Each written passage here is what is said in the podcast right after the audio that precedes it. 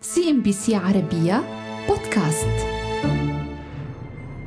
في بداية انطلاق العملية العسكرية في أوكرانيا وتحديدا في مارس آذار من العام 2022 صادق البرلمان الأوكراني على قانون طوارئ يسمح لأصحاب العمل بتعليق الاتفاقيات الجماعية. ثم في يونيو حزيران من ذات العام أقر حزمة أسماها بالإصلاحية. تستبعد بشكل فعلي الغالبية العظمى من العمال الأوكرانيين من الحماية التي يقرها قانون العمل.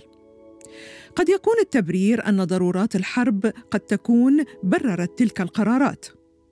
بيد أن خطط الإصلاح الهيكلية لاقتصاد أوكرانيا لم تكن محصورة في أروقة البرلمان بل تشاركت في وضعها وتحديد مساراتها أطراف غير أوكرانية. أشارت وثائق تم نشرها قبل حوالي خمس سنوات من معهد أوكلاند الأمريكي للدراسات الاقتصادية. أشارت إلى برامج الخصخصة الموضوعة للسيطرة على الموارد الزراعية الهائلة في أوكرانيا حيث يمتلك ذلك البلد 32 مليون هكتار من الأراضي الصالحة للزراعة والمحتوية على التربة السوداء المعروفة باسم تشيرنوزيوم وبنسبة 65% من إجمالي الأراضي تعادل تلك النسبة ثلث مساحة الأراضي الزراعية الخصبة الموجودة في الاتحاد الأوروبي وما يقرب من ربع التربة الأكثر خصوبة في العالم. وتشورنيزيوم هي تربة سوداء غنية بمواد عضوية تتكون من نباتات متحللة مما يجعلها مثالية للزراعة. بينت وثائق أوكلاند أن جهود الحد من الخصخصة أنتجت في العام 2001 قانونا يفرض حظرا على بيع الأراضي للأجانب في عهد الرئيس ليونيد كوتشما. منذ ذلك الحين كان إلغاء هذا الإجراء هدفا رئيسيا للمؤسسات الغربية والدولية. على سبيل المثال وفي وقت مبكر من عام 2013 قدم البنك الدولي قرضا قيمته 89 مليون دولار أمريكي بهدف تطوير قانون وبرنامج ملكية الأراضي بما يلزم لتحويل الأراضي المملوكة للدولة والتعاونيات إلى أراضٍ تجارية. ووفقا لما ورد في ورقة البنك الدولي في العام 2019 كان الهدف هو تسريع الاستثمار الخاص في الزراعة. تتضمن بنود البرنامج ما تمت تسميته بتعزيز الإنتاج الزراعي الحديث واستخدام التكنولوجيا الحيوية وهو ما يمثل انفتاحا واضحا على المحاصيل المعدلة وراثيا في الحقول الأوكرانية. وعلى الرغم من الحظر المفروض على بيع الأراضي للأجانب تمكنت عشر شركات زراعية متعددة الجنسيات بحلول العام 2016 من السيطرة على أكثر من مليونين ونصف المليون هكتار من الأراضي بشكل فعلي. مع وجود أكثر من ثلاثة ملايين هكتار من الأراضي الزراعية الأوكرانية بقبضة شركات أجنبية أو شركات أوكرانية تعتبر فروعا لشركات أجنبية. وفي العام 2020 تم إلغاء قرار حظر بيع الأراضي للأجانب في عهد الرئيس فولديمير زيلينسكي بمعنى توسيع ملكية الأجانب. يذكر بهذا الخصوص أن المزارعين في أوكرانيا لا يمكنهم استخدام أراضيهم كضمان لاقتراض أموال من البنوك لأغراض تتعلق بالزراعة أو الحصول على تمويل لكنهم بالمقابل يمكنهم تأجيرها لمستثمرين محليين أو أجانب. وعلى هذا الأساس ذكر تقرير للبنك الدولي أن الوصول المحدود إلى التمويل بما في ذلك القروض المصرفية. كان منذ فترة طويلة عائقا أمام المنتجين الزراعيين الصغار ومتوسطي الحجم الذين ينتجون أكثر من 50% من إجمالي الناتج الزراعي. وفي إطار آخر انتقد وزير الزراعة السابق رومان ليشينكو عدم تمكن الأوكرانيين من الاستفادة الكاملة من ثرواتهم الزراعية خلال الثلاثين عاما منذ الحصول على الاستقلال عن الاتحاد السوفيتي. الجدير بالذكر أن ليشينكو استقال بعد أسابيع من اندلاع الحرب في مارس من العام 2022 وهو كان من ضمن المؤيدين للسماح ببيع الأراضي لغير الأوكرانيين.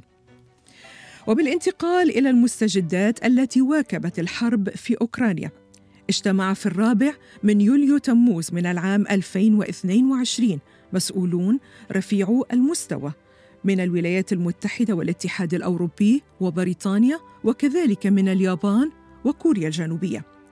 جرى الاجتماع بمدينة لوغانو السويسرية ضمن ما يسمى مؤتمر تعافي أوكرانيا المعروف ب URC.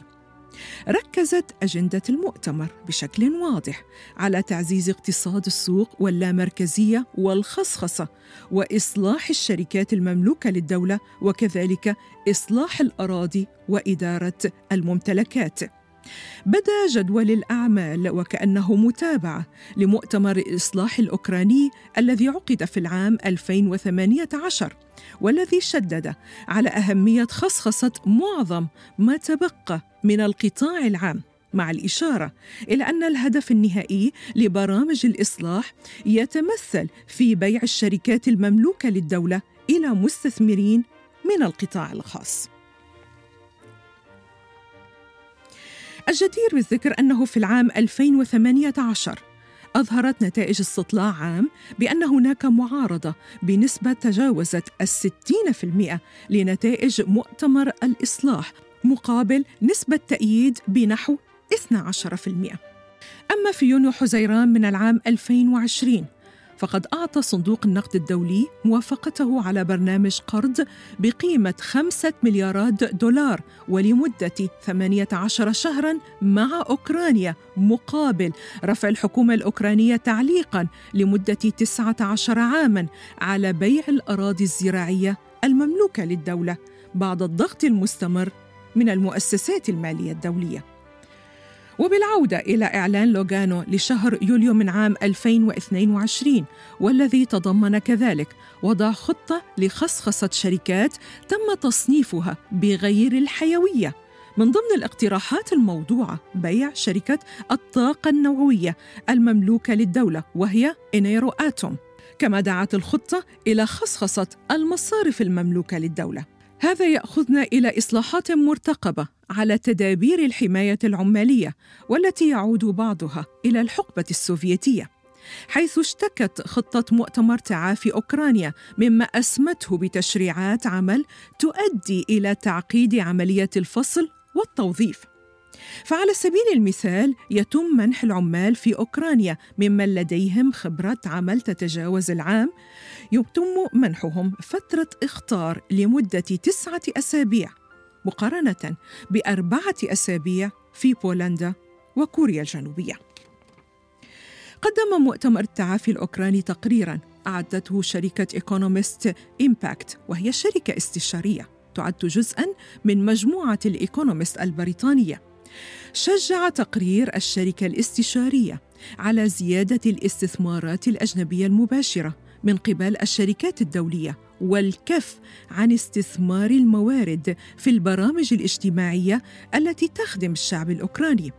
شدد التقرير كذلك على أهمية تطوير القطاع المالي مع ضرورة إزالة القيود التشريعية وتحرير الزراعة بالإضافة لتبسيط إجراءات تسهيل قيام الشركات الصغيرة والمتوسطة بالاستثمار في الأصول المملوكة للدولة. ومن مقتطفات ما جاء في نص ذلك التقرير الاستشاري للإيكونومست. لحظة ما بعد الحرب قد تكون فرصة لإتمام توسيع إصلاحات شراء الأراضي الزراعية من قبل مؤسسات ذات كيانات قانونية بما فيها الكيانات الأجنبية. وبمجرد انتهاء الحرب ستحتاج الحكومة أيضا للتفكير في خفض حصة البنوك المملوكة للدولة بشكل كبير. وخصخصة بنك PrivatBank وهو أكبر مقرض في البلاد. وأشاد بنك المصرف الأكبر للمعاشات التقاعدية والمدفوعات الاجتماعية. أما فيما يتعلق بتصنيفات أوكرانيا فقد أظهر تقرير الثروة الصادر عن بنك كريدي سويس في عام 2021 أن ذلك البلد يعد فقيرا بالمقارنة مع دول مثل المكسيك في بند توزيع الثروات الفردية.